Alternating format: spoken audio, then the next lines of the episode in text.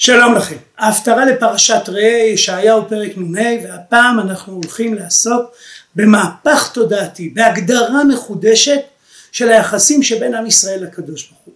הנבואה נבואת נחמה, אנחנו בשבעה דנחמתה ואנחנו בעצם בנבואות שעניינם נבואה ולכן הן לקוחות כולן מהנביא המנחם ישעיהו מ' ואילך. הנבואה כוללת שני מהפכים ושני שינויים, שינוי אחד הוא שינוי פיזי והשינוי השני הוא שינוי רוחני, שתי גאולות עומדות לפנינו. הפתיחה היא פתיחה קשה, ענייה סוערה לא נוחמה, שלושה ביטויים של עוני, של קושי, של טלטול, אולי סוערה פה זה כמו בסערה, זה מישהי שמיטלטלת ממקום למקום ולא נוחמה, ועכשיו מתחילה נחמה.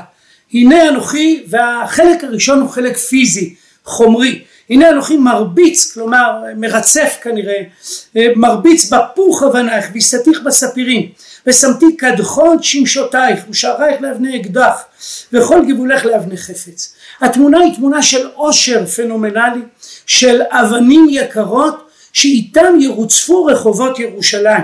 יש פה ספירים ויש פה קדחון ויש פה אבני אקדח, אולי משום קדח, כלומר אדום, אבנים אדומות, פוך אולי היפוך זה דווקא אבנים כחולות כי היפוך מזכיר את ההפוך של העיניים וצבעו כנראה היה כחול.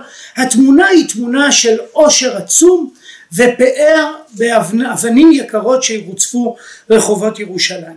התמונה הזו מזכירה נבואה בספר יחזקאל שמדבר על מלך צור שדימה את עצמו לאדם הראשון ובעצם לאדם החי בגן עדן. ושימו לב מה אומר לו הנביא יחזקאל כך ביחזקאל פרק כ"ח. כה אמר אדוני אלוהים אתה חותם תוכנית מלא חוכמה וכליל יופי. עוד רגע הוא יבקר אותו עוד רגע הוא יתאר, יתאר את נפילתו אבל התמונה היא תמונה של עושר בעדן.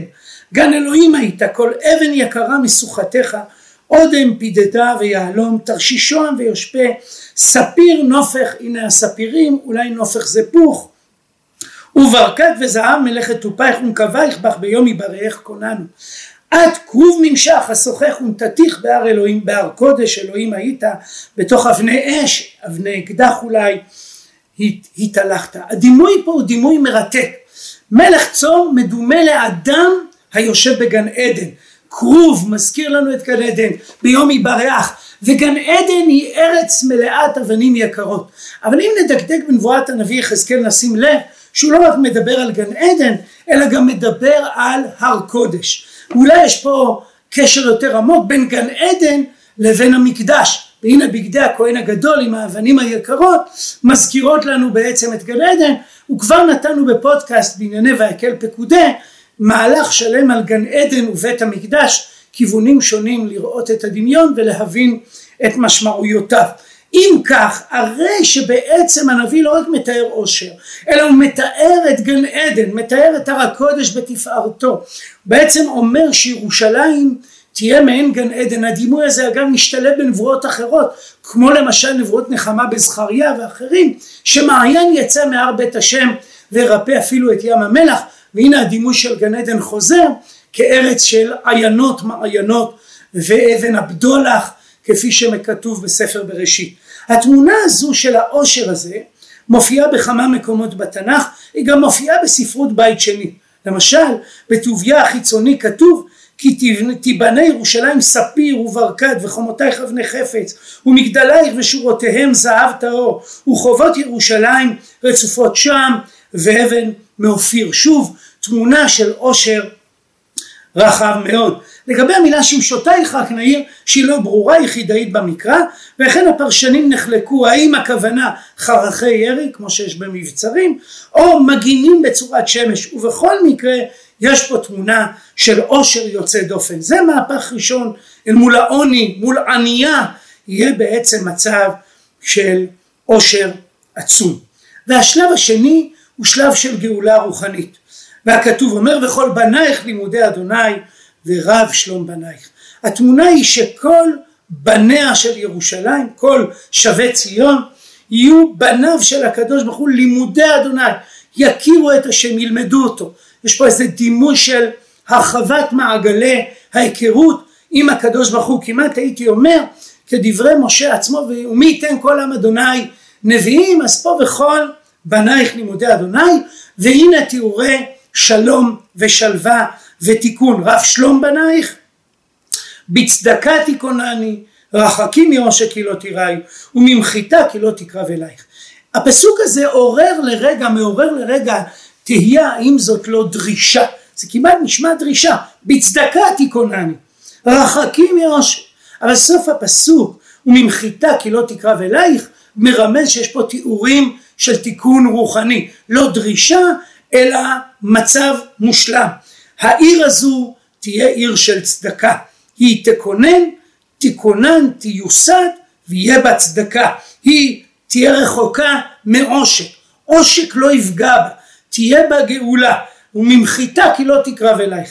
כל התיאורים האלה הם תיאורים של שפע ומיד הנביא אומר אנגור יגור מאפס מאותי מגר איתך עלייך יפול הן אנוכי בראתי חרש נופך באש פחם מוציא כלי למעשהו. אנוכי בראתי משחית לחבל לומר אלוקים ברא את כלי ההשחתה בעולם. כל כלי יוצר עלייך לא יצלח כל לשון תקום איתך למשפט תרשי. זאת נחלת עבדי אדוני.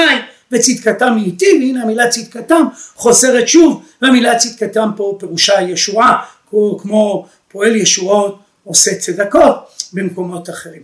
כלומר ירושלים תעבור מהפך. המהפך יהיה כפול.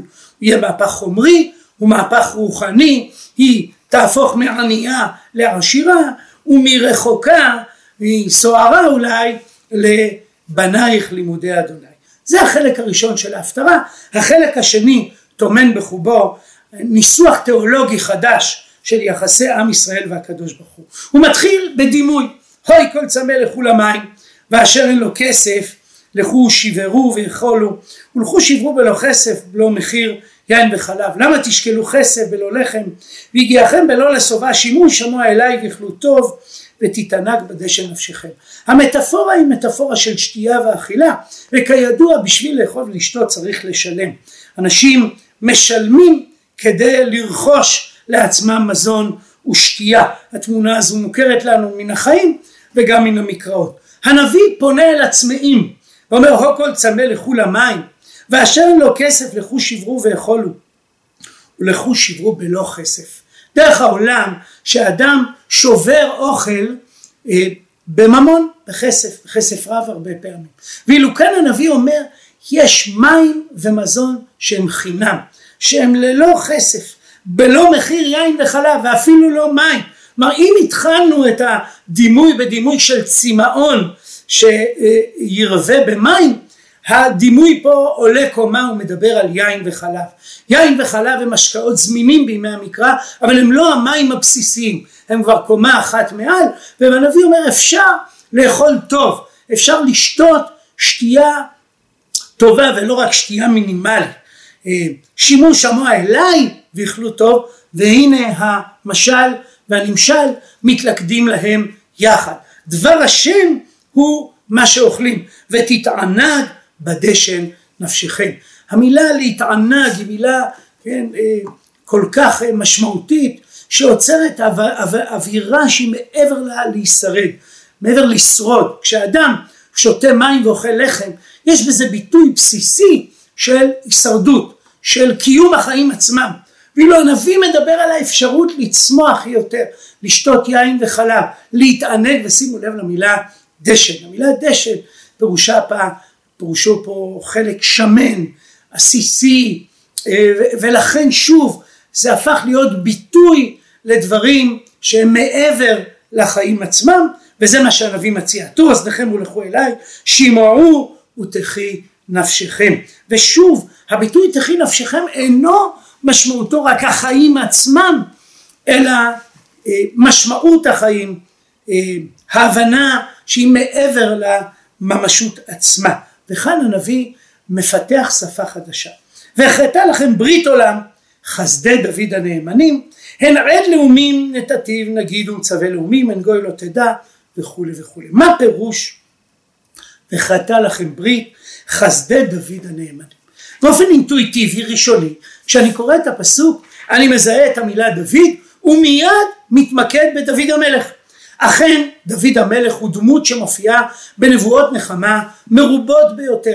החזרה אל מלכות דוד, אל צאצאי דוד, חוזרת בדברי הנביאים פעמים רבות מאוד. דוד מייצג את האידיאל המלכותי ולכן בעצם ודאי בענייני עבודת השם הוא פולחן, בענייני מלכות ויצירת ממלכת ישראל, ממלכת ישראל המאוחדת ולכן פעמים רבות חוזרים הנמאים אל דוד. ישעיהו למשל אומר, ויצא חוטר מגזע ישי ונצר משורשיו יפנה ונחה עליו רוח אדוני וכולי וכולי. ואם כך, הקריאה האינטואיטיבית היא לומר שהנביא מדבר על דוד, שדוד יחזור. דוד אה, מלך ישראל חי וקיים, צאצאי דוד ישובו למלוך. אבל פרשנים מודרניים שמו לב שהניסוח פה הוא מיוחד, חריג מאוד, בעצם מהפך את כל התמונה. שימו לב, לא מדובר פה על דוד וגם לא מדובר פה על מלך ספציפי מבית דוד.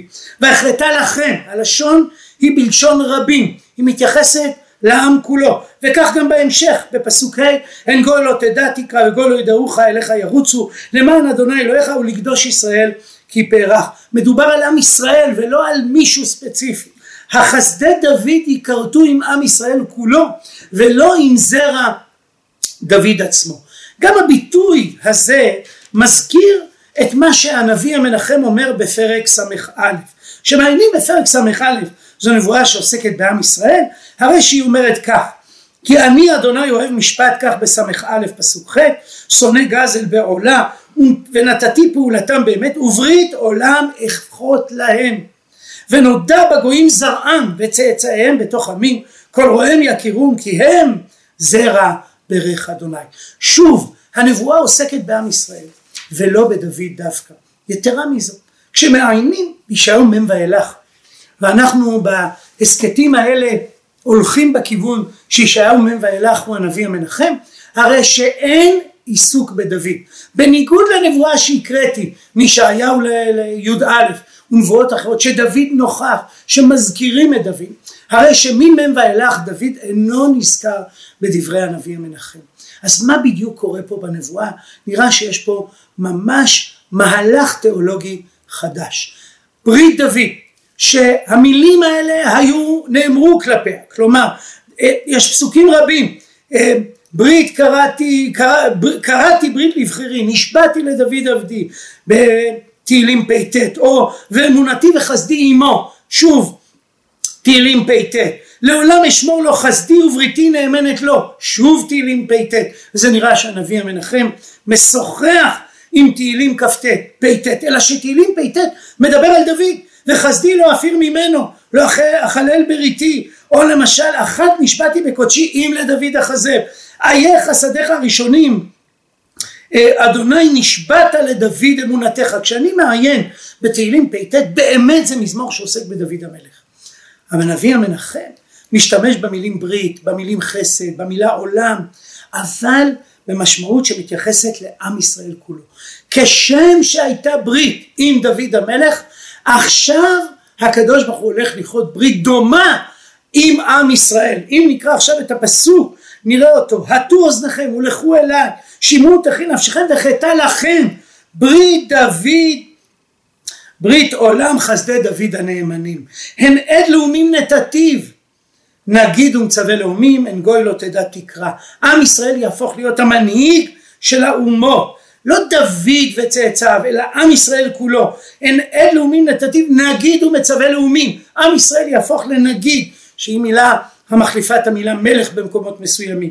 הוא יצווה אין עד לפי ההקשר והתקבולת היו שהציעו שעד פירושו מנהיג. אני אציע עד מלשון אזהרה מזהיר כמו מצווה כמו אה, הרבה פעמים בתנ"ך לשון עדות העיד בנו האיש קשות לאמור זה לא מסר עדות בבית המשפט זה לא לענות לא תענה ברעך את שקר אלא להזהיר. עם ישראל יהיה המזהיר המצווה של כל האומות כולל עמים שהן גוי לא תדע תקרא וגוי לא ידעוך אליך ירוצו שוב אליך זה לעם ישראל כולו. תהיה נהיה עמוקה סביב עם ישראל. שימו לב אגב שהלשון הן גוי לא תדע היא באה לומר אפילו עמים שלא הכירו אותך או אתה לא הכרת אותם אפילו עמים כאלה יבואו בעצם אליך אפילו ירוצו אליך והנביא המנחם פה מדבר על מוטיב שנמצא בספר דברים ובספר ירמיהו. למשל בירמיהו פרק ה' כשמתארים את החורבן אז מתארים גוי שיבוא, גוי שיפגע בעם ישראל. הנה אני מביא עליכם גוי ממרחק בית ישראל, כך בירמיהו פרק ה', נאום אדוני גוי איתנו, גוי מעולם הוא, גוי לא תדע לשונו ולא תשמע מה ידבר. אם רוצים להפחיד את עם ישראל בנבואת החורבן בירמיהו, אז אומרים גוי שאתה לא מכיר, אתה לא יודע אותו, לא יודע את שפתו. אם הנביא המנחם רוצה לתאר גאולה פנומנלית, אז הוא אומר שאפילו גויים שאנחנו לא יודעים ירוצו אלינו. אם כך, הרי שהנביא המנחם הופך את הברית עם דוד לברית כלל ישראלי. בעצם אומר לנו שמה שנאמר אז כלפי משפחה מסוימת, כלפי אדם מסוים, יאמר עכשיו על העם כולו. המוטיב הזה מופיע גם בנבואה הקודמת לנבואה שאותה אנחנו לומדים, שהיא תשמש הפטרה בהמשך פרשיות הנחמה והיא אזכורו של נוח. כשנדבר על נוח אני אזכיר את דוד, עכשיו כשאנחנו מדברים על דוד אז נזכור רגע את נוח. כשמדבר הנביא בפרק נ"ד על גאולת ציון הוא אומר כי מנוח זאת לי אשר נשבעתי מעבור מנוח עוד על הארץ כנשבעתי מקצוף עלייך ומגאור בך כך בפרק נ"ד פסוק ט' והנה לפנינו מוטיב דומה נבואה סליחה שבועה שנאמרה לנוח בסיפור המבול מועתקת להיות שבועה לעם ישראל. שבועה שמתייחסת לעם ישראל. כמו שנשבעתי לנוח, כי מנוח זאת לי אשר נשבעתי מעבר מנוח כלו, מעבור מי נוח עוד על הארץ, כמו שנשבעתי שלא יהיה עוד מבול, כי נשבעתי מקצוף עלייך מרובך. שימו לב שהתנועה היא הפוכה. אצל נוח זו שבועה כלל עולמית שהופכת להיות שבועה ישראלית. אצל בהפטרה שלנו בפרק נ"ה זה ברית שנכרתה עם מישהו ספציפי ומורחבת להיות ברית עם עם ישראל. הציר המרכזי הוא עם ישראל וממילא הנביא משתמש בנבואות שונות, בשבועות שונות, בבריתות שונות, פעם הוא מקטין אותם ופעם הוא מרחיב אותם, אבל הוא תמיד חותר לומר שיש עידן חדש ביחסי עם ישראל לקדוש ברוך הוא. הנבואה הזו שהיא נבואת נחמה היא באמת מעודדת והיא אומרת שהכל נעשה למען השם למען אדוני אלוהיך ולקדוש ישראל כי פארך והמוטיב הזה חוזר הרבה בדברי המנחם שזה נעשה למען השם המפאר או למען פארו של השם המציל את ישראל. הנבואה הזו היא כל כך מהפכנית כל כך דרמטית שבאמת היו פרשנים שלא קיבלו את ההצעה הזו וחזרו אל חסדי דוד. הדבר הזה גם תלוי אולי בשאלה עד כמה אני מסתכל על ספר ישעיהו כשני ספרים שבכפיפה אחת או ספר אחד ממילא אם אני רואה את זה כספר אחד של הנביא ישעיהו הרי שאני אגייס את ישעיהו י"א כדי לקרוא את הפסוקים כאן אבל מרגע שהטענה היא שיש להפריד בין מ' ואילך הרי שהעובדה שדוד לא, נוז, לא נזכר ממם ואילך והעובדה שיש פה שפה חדשה בהמון מעגלים מחזקת את הקריאה הזו. והקריאה הזו יש בעיניי גם משמעות מודרנית שהיא כבר גולשת מן הפסוקים עצמם. אחת השאלות שאדם דתי מודרני שואל את עצמו זה השאלה מה החזון. לפני כמה שנים הייתה בישיבת מעלה גלבוע היה יום עיון אה, תנכי שכללו בו כמה ישיבות שדנו בשאלת המלוכה בישראל. זה הפאנל של ראשי ישיבות, חלק מראשי הישיבה אה, תיארו את החזון כחזון של מלכים, כלומר ביקשו מלך, שאפו אל המלוכה, ציטטו מן התנ"ך פסוקים שמדברים על שיבה, שובה של מלכות ישראל ושל מלך בישראל, הם רק הגדירו את המלך במושגים חדשים, וחלק מן הדוברים, חלק מראשי ישיבה, דיברו על דמוקרטיה כמודל הפחות גרוע או הטוב ביותר, תלוי איך מגדירים כידוע, כמודל אידיאלי. והפסוק הזה בהחלט יכול להיקרא כך. כלומר, אנחנו לא שואפים למלכותו של מלך ספציפי. אם מדברים על מישהו ספציפי ממם ואילך, זה יהיה כורש, שבעצם הוא כלי בידיו של השם, הוא משיחו להושיע את ישראל, אבל האידיאל הוא אידיאל רחב, וכל בנייך לימודי אדוני.